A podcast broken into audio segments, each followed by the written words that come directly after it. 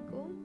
Jadi akhirnya aku bikin podcast dan podcastku akan ku beri nama Lupa Hari Podcast. Kenapa Lupa Hari Podcast? Karena aku berharap podcastku bisa bermanfaat buat para pendengarku Dan kita bisa sharing-sharing bareng. Dan aku nggak bakalan bilang ini bakal bahas tentang cinta, temen. Pokoknya kita bakalan bahas apa pun, anything, apa pun yang tercetus nanti di otakku. Jadi semoga kalian nyaman dan termotivasi dengan podcastku ini.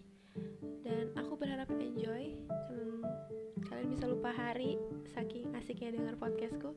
Dan selamat menikmati segala uh, sambat-sambatku ini. Semoga kalian suka. Dan aku juga bisa terus ada di podcast ini buat menemani hari-hari kalian. Enjoy guys